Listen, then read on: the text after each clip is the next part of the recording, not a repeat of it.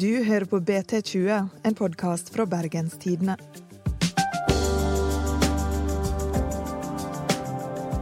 Den nasjonale scene har fått to advokater på døra på bare ei veke. Teatret blir skylda for å drive med både ærekrenkelser og krenking av privatlivet sin fred. Men hvor går egentlig grensa for hva en kan ytre så lenge det er kunst? Vi har med oss jurist og kommentator i BT Eirin Eikefjord og kulturredaktør Frode Bjerkestrand. Mitt navn er Ingvild Nave.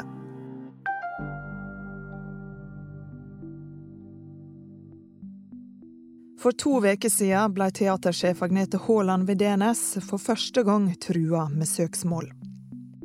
Har du hørt Er det Vigdis Hjorth jeg ringte? Jeg, jeg, jeg, jeg var sånn det, Vet du hva, dere må, jeg, må, jeg må sende dere jeg, jeg, har fått et brev som jeg, er helt overveldet over. Så jeg sendte det vel øyeblikkelig til um, Vigdis Hjorth selv og til Kjersti Horn. Og alle var sånn Hæ?! Vi var vel like overveldet alle tre, tror jeg. Så ingen som så dette komme? Nei, ingen hadde forutsett dette. her. Hav og miljø-roman av Vigdis Hjorth. DNS gjorde jo sitt aller største beis-opp, tror jeg, de siste 10-15 årene, når de satte opp eh, dette stykket i fjor høst. Eh, som er basert på en svært kontroversiell roman som Vigdis Hjorth skrev, som ble tolket som om den handlet om Vigdis Hjorth sin egen oppveksthistorie, med nokså grove anklager om eh, faren til Vigdis Hjorth. Altså den fiktive, så. Ja. Eh, eh, om en overgrepshistorie mot en datter. Som da får konsekvenser for familien eh, gjennom mange tiår. En ekstremt god roman. Eh, sterkt stoff og veldig relevant på mange nivå. Så når dette blir teaterstykket på DNS, så blir det jo selvfølgelig veldig synlig. Og veldig mye omdiskutert. Og da reagerer familien til Vigdis Hjorth, moren da, spesielt. At hun føler at dette er en krenkende mot en person som er død, altså hennes eh, mann, og ikke kan forsvare seg lenger. Så hun føler at dette er veldig krenkende for familiens og hans ettermæle, spesielt. Eh, og i dette søksmålet så mm, ber jo da advokaten på vegne av familien Hjort om erstatning på 250 000 kroner til eh, forfatterens avdøde far og til hennes, hennes mor. Og de utelater ikke at det skal komme flere krav fra flere i familien. Altså, Vi har jo ikke satt opp en forestilling hvor vi har ment å krenke noen. Vi har satt opp en forestilling av en fantastisk roman. Familien Hjort har ikke ønska å kommentere søksmålet i BT. Sju dager seinere får teatersjefen et nytt advokatkrav. Denne gangen fra den kristenkonservative filosofen Nina Karin Monsen, som mener hun blir ærekrenka. I stykket Kim F om Kim Friele og hennes kamp for homofile sine retter blir Monsen bl.a. sitert på dette. Homofile er noe annet enn normale mennesker. De er medfødt uføre. Homofiles forhold er inhumane. Homofiles foreldre bare fremstår som glade i barn. I virkeligheten er de fremmede fiender av egne barn som de systematisk utsetter for forbrytelser. Advokaten til Monsen sier til BT at hun ser på dette som en grovt homofob tekst som hun tar avstand fra. Hun mener stykket er en personforfølging av henne. Paradoksalt nok så har jo Nina Karin Johansen skrevet lignende ting, da Kanskje ikke samme ordlyd, men med samme intensjon og meningsinnhold i sine debattinnlegg og, og skrifter tidligere. Så, men nå reagerer hun på, det, på dette fordi det blir framsagt i et skuespill. I eh, Kim Friele sin skikkelse, da. Som hun mener eh, tillegger hun egenskaper eller meninger som hun ikke har. Eh, og det er litt interessant, da. Nå krever hun at teksten blir fjerna. Ja, det gjør vi selvsagt ikke. Eh, men vi, vi, vi, sa til uh, hennes advokat at vi kan presisere hvor uh, replikken er hentet fra, hvor, hvor, det kommer fra. Men det var ikke um, hans klient fornøyd med. Hun forlangte at vi skulle stryke henvisningen til Nina Kari Monsen. Og det er jo helt utelukket. Man kan ikke stryke ut Nina Kari Monsen av et liv som omhandler kampen for å kunne leve ut sin egen sin kjærlighet. Ja, det er jo utrolig eh, interessant da, at teater plutselig får en sånn type relevans og gjør seg bemerket i samfunnet.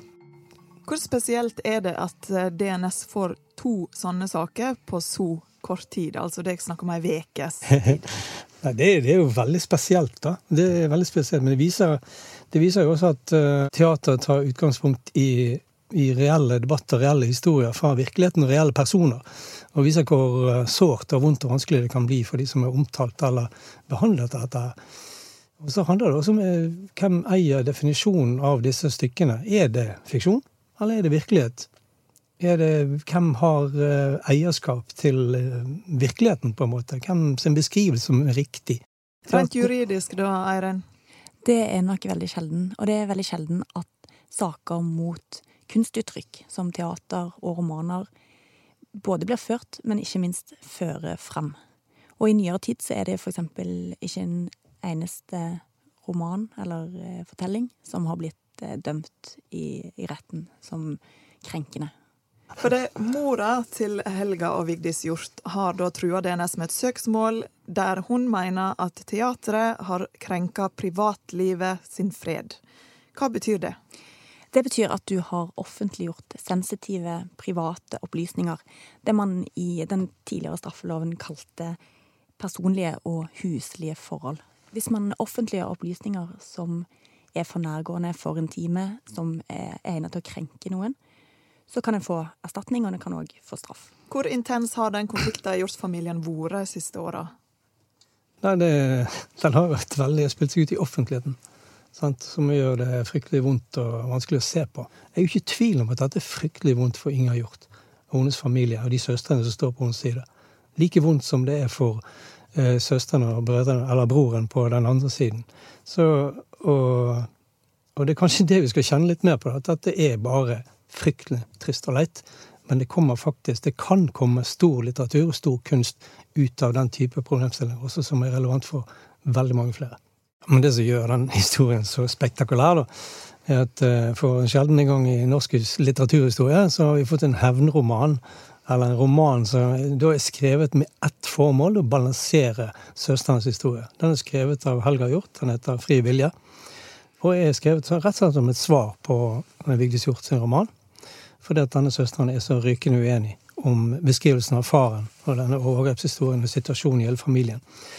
Eh, paradokset med det er jo at eh, Vigdis Hjorth har aldri bekreftet at dette er hennes historie. Dette er hennes biografiske, biografiske historie. Men så kommer søsteren og skriver en hevnroman og nærmest bekrefter at det er det. Så da fikk du den debatten om virkelighetslitteratur, hva som er virkelig, hva som ikke er virkelig. Det kan bli litt sånn Twilight Zone. Litt vanskelig å forholde seg til. da. Men dette er jo et teaterstykke basert på boka til Vigdis Hjorth. Hvorfor saksøker de teaterstykket og ikke originalverket? Det er jo et veldig interessant spørsmål her. Jeg tror jo den rent pragmatiske grunnen er at det er veldig vanskelig å få medhold i en sak mot en forfatter. Det har Høyesterett eh, sagt ganske tydelig flere ganger, at eh, man har på en måte En historieforteller har rett til å beskrive deltaker i sitt eget liv. I en eh, dom om en bygdebok, faktisk, som het 'Nok innmark til ei ku'. Så, og det, dette er jo en eh, ellevill historie. En, eh, en mann eh, skrev bygdebok fra et titalls småbruk i Tvedestrand. Mm. Eh, og ganske nøkterne beskrivelser av eh, fe og grunn og historikk. Men når han kom til sitt eget bruk, så utleverte han ekskonen i store bokstaver det var elendig økonomistyring, betente barnefordelingssaker, opprivende skilsmisse. Og man kan jo skjønne at hun ikke syntes det var så kult å få privatlivet sitt utlevert i en bygdebok. En ganske sjangeroverskridende bygdebok. Men eh, den saken kom faktisk til Høyesterett. Og eh, da var vurderingstema sånn, hvor intime opplysningene er. de negative? Er det følsomt? Er det sjikanøst? Er det nedsettende? Men alt i alt så kommer man i hvert fall til at en historieforteller må ha rett til å beskrive deltakere i sitt eget liv. Det er en forskjell her. For du kan aldri kalle en bygdebok for en roman eller fiksjon. Sant? Så det var jo skrevet med en intensjon. For han er gårdbrukeren og sannsynligvis å henge ut ekskonen sin. Eh, men eh, utgangspunktet for dette stykket er per definisjon en roman. Det er Vigdis Hjorth sin fiksjon over en familiehistorie. Og det er det, den utelukkende den teksten dette teaterstykket forholder seg til. Og ingenting annet. Så det er et veldig godt spørsmål. Hvorfor ikke saksøke forlaget eller Vigdis Hjorth eller, eller, sånne ting, da? Men når det er så tydelig at her er element av virkeligheten inni denne romanen, eh, altså kan du skrive hva som helst så lenge du kaller det kunst? Nei, der har vel lov, sier vel loven et par ting, vil jeg tro. Men det er det er det som gjør det så vanskelig. Altså, denne debatten om virkelighetslitteraturen i Norge startet jo med Vigdis Hjort sin roman. Det var en kritiker i Aftenposten som saumfarte historien til Vigdis Hjort sjøl. Blant annet programmet fra begravelsen til faren til Vigdis for å finne ut om det som sto i romanen, hadde en forankring i virkeligheten eller ikke. Hva fant han ut av? Nei, Hun mener jo at det, det var reelt at det fantes opplysninger som kunne tilsi at det, det, var bevist at det som skjedde i romanen, var virkelig. Jeg syns jo, jo, det er ganske skummel utvikling. Hvis du skal gå ettergå absolutt alle romaner for å finne ut om det forholder seg til virkeligheten eller ikke. Det, jeg syns det er en skummel debatt, for det fører til eh, kanskje en sånn type sensurvirksomhet overfor forfattere, og ytringsrommet til forfattere, og muligheten de har for å bruke virkeligheten i sin kunst. Hva sier advokaten til Inger Hjort om hvorfor de mener dette her er over grensa for hva et teater kan tillate seg? Eh, de viser til en, et intervju Vigdis Hjort gjorde med Aftenposten, der hun sier at selvfølgelig tar jeg utgangspunkt i ting jeg har opplevd. Og Da tolker man det som et bevis for at hun har skrevet om seg sjøl, og at hun beskylder sin egen far for incest. Men det kan jo like gjerne være en generell kommentar til alle forfatteres metode, for hvor ellers skal de hente inspirasjon fra. Eh, vi var innom ærekrenkelser, som, eh, som, vil si at du krenker omdømme eller æresfølelse og gode navn og rykte. Og så har du dette med privatlivets fred. Og den vesentlige forskjellen på de to er at en ærekrenkelse er en usann påstand, mens en krenkelse av privatlivets fred er utlevering av sanne historier. Og den som har bidratt mest til rettsforståelsen i moderne tid på dette punktet, det er faktisk prinsesse Caroline av Monaco, hvis man husker henne. Jetset-prinsesse. Hvordan har hun noe å gjøre med Vigdis Hjorth-sakene på DNS? Jo, hun var jetset-prinsesse på 90-tallet, og tyske ukeblader de elsker jo jetset-prinsesser. Så de forfulgte jo henne på skitur, i butikken, på restaurant, overalt. Hun ble jakta på av paparazzier og fikk egentlig aldri fred. Den saken tok ut til lokale domstoler, og de mente at dette er jo en del av arbeidsbeskrivelsen som kongelig, det må du rett og slett bare finne deg i. Så tok hun saken til Den eh, europeiske menneskerettighetsdomstolen, og da fikk hun faktisk medhold. De foretok en avveining mellom ytringsfrihet og hensyn til privatlivet, og det som ble avgjørende for menneskerettighetsomstolen Menneskerettighetsdomstolen, var at de sladda sakene om henne ikke bidro til samfunnsdebatten. Og dermed var ikke ytringsfriheten noe man skulle verne i disse tilfellene, og privatlivet fikk gjennomslag. Hvis Inger Hjort vinner, det blir et søksmål, og hun vinner fram, hva slags konsekvenser kan det få? Nei, jeg, håper virkelig ikke de vinner, for det, eh, det vil skape en veldig farlig presedens. For dette, dette, dette, er så grumsete juridisk farvann veldig uklart hva du skal definere som fiksjon, hva som er virkelighet. og Hvilke, hvilke påstander i romanene sine må forfattere heretter kunne dokumentere for å kunne publisere i det hele tatt. Jeg tror du havner inn i et ja, både sånn ytringsfrihets- og kunstnerisk uføre her som er veldig uoversiktlig. Så jeg håper virkelig ikke det søksmålet vinner frem.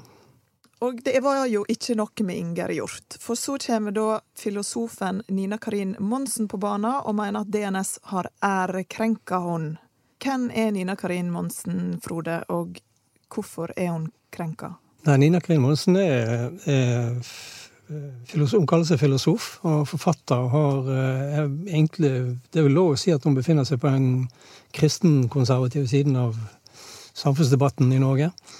Eh, hun har vært veldig sånn tydelig eh, kritiker av den liberale utviklingen i samfunnet i forhold til homofili og homopolitikk. Hun har vært ekstremt eh, verbalt tydelig mot det hun kaller homolobbyen. Og ikke minst homofiles rett til å få barn eller adoptere og sånne ting.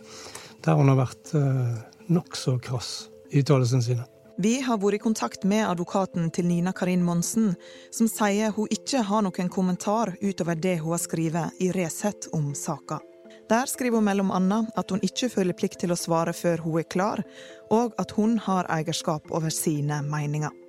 Her er et opptak av Nina Karin Monsen på ei samling for partiet De kristne i 2017. Noe av det som møtt, har møtt meg oftest, er jo at jeg er homofob. Og la bare ta det med en gang. Det er et billig, dumt skjellsord som de laget for å friskmelde seg selv og sykemelde resten av verden.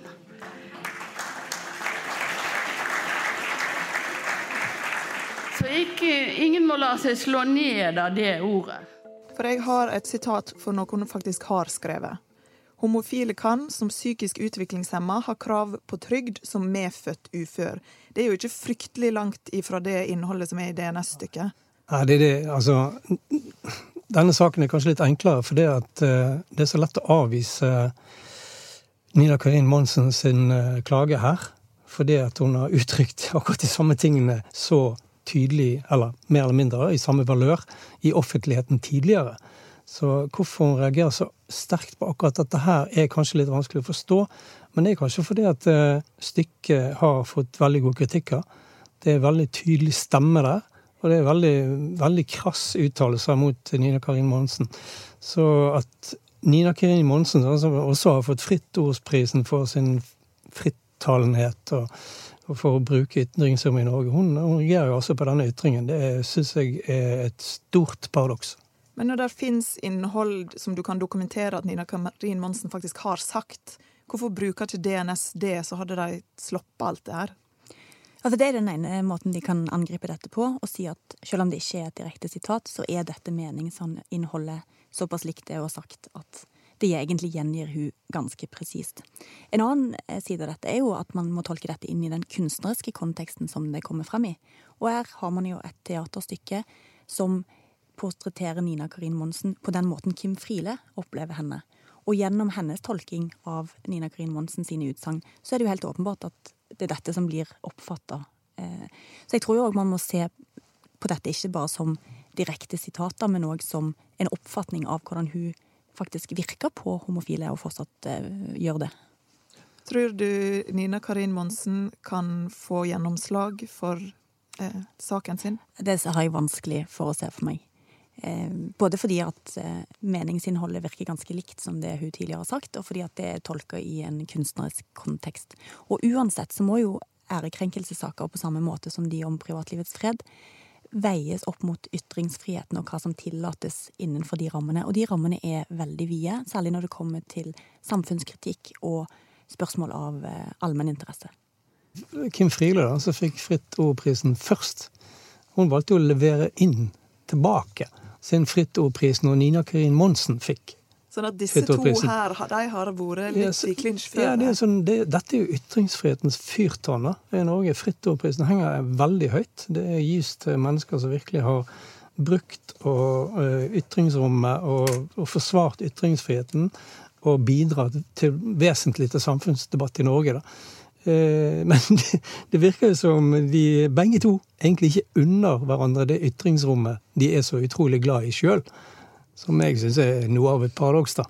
Og så er det en annen side av eh, disse sakene, og det er jo at selv om man opplever seg krenka og er veldig fornærma, så er ikke en krenkelse i rettslig forstand en subjektiv krenkelse. Det er rett og slett at det må være en kvalifisert krenkelse. Det må være objektivt sett noe som går over streken. Men jeg bare lurer på om dette, Hva tenker du, Eirin? Er dette bare sånn nok et tegn på at vi lever i en sånn krenkelses tidsalder. Sånn krenkorama på alle kanter. Så at, det, at vi nærmer oss sånn amerikansk tilstand der at hvis du føler deg litt sånn vondt og leit, nei, nå var det noen som sa noe stygt om meg, så kan, du, så kan du ringe din advokat og lage en sak. For det at eh, du får i det øyeblikket du lager en sånn sak ut av det, så får du et moralsk overtak, på en måte. Da er det synd på meg. Er det noe der, kanskje? Ja, absolutt. Og, og da kan jo det være fint på et vis, selv om man ikke egentlig ønsker at domstolen skal inn i disse sakene, så kan de jo fungere som en sånn kald hånd på en varm panne og si at det må faktisk være en skikkelig krenkelse for at du skal bli hørt. Du kan ikke bare føle deg krenka og være fornærma, for det er rett og slett ikke nok til å ta saken til retten. Men er ikke det òg like trendy å påpeke at alle andre blir så krenka hele tida, som å faktisk bli krenka sjøl? Det er jo en hersketeknikk som er flittig brukt. Dette, det er en ond sirkel, dette. Jeg håper veldig mange hører på dette. Det er god oppskrift på hersketeknikk. Jeg tror dere vi kommer til å se flere sånne søksmål mot kunsten framover? Altså, jeg frykter at hvis noen av disse sakene vinner frem, så vil det utløse en del rare ting og, og underlige saker, tror jeg. Jeg håper jo ikke de vinner frem, sånn at vi kan fortsette å ha en en helt uh, spennende og interessant samfunnsdebatt om fenomenet som disse her uh, kulturuttrykkene tross alt handler om. Da. og så, men der det blir jo litt opp til jussen å sette grenser her. Da, mm. Jeg tror jo absolutt at vi kommer til å se flere av disse sakene, av to grunner. Den ene er jo at kunsten tar stadig større steg inn i virkelighetens verden. Man ser det i virkelighetslitteraturen, man ser det òg i teateroppsetninger som baserer seg på det. Og det andre er jo at de rettslige grensene er relativt diffuse fortsatt. Det er avveininger mellom to ganske ulne størrelser. Ytringsfrihet, privatliv. Hva skal vinne fram i det enkelte tilfellet? Og alle disse sakene er jo veldig konkrete, sånn at det er vanskelig å trekke tydelige paralleller mellom de. Så da vil man ofte prøve å føre sin egen sak for å teste. Tusen takk for at dere kunne komme i studio, kommentator Eirin Eikefjord og kulturredaktør i BT Frode Bjerkestrand. Produsent Henrik Svanevik. Vi er tilbake med en ny episode av BT20 om ei uke. I mellomtida anbefaler jeg å laste ned BT sin lydapp Lytt, og husk å abonnere. Mitt navn er Ingvild Nave.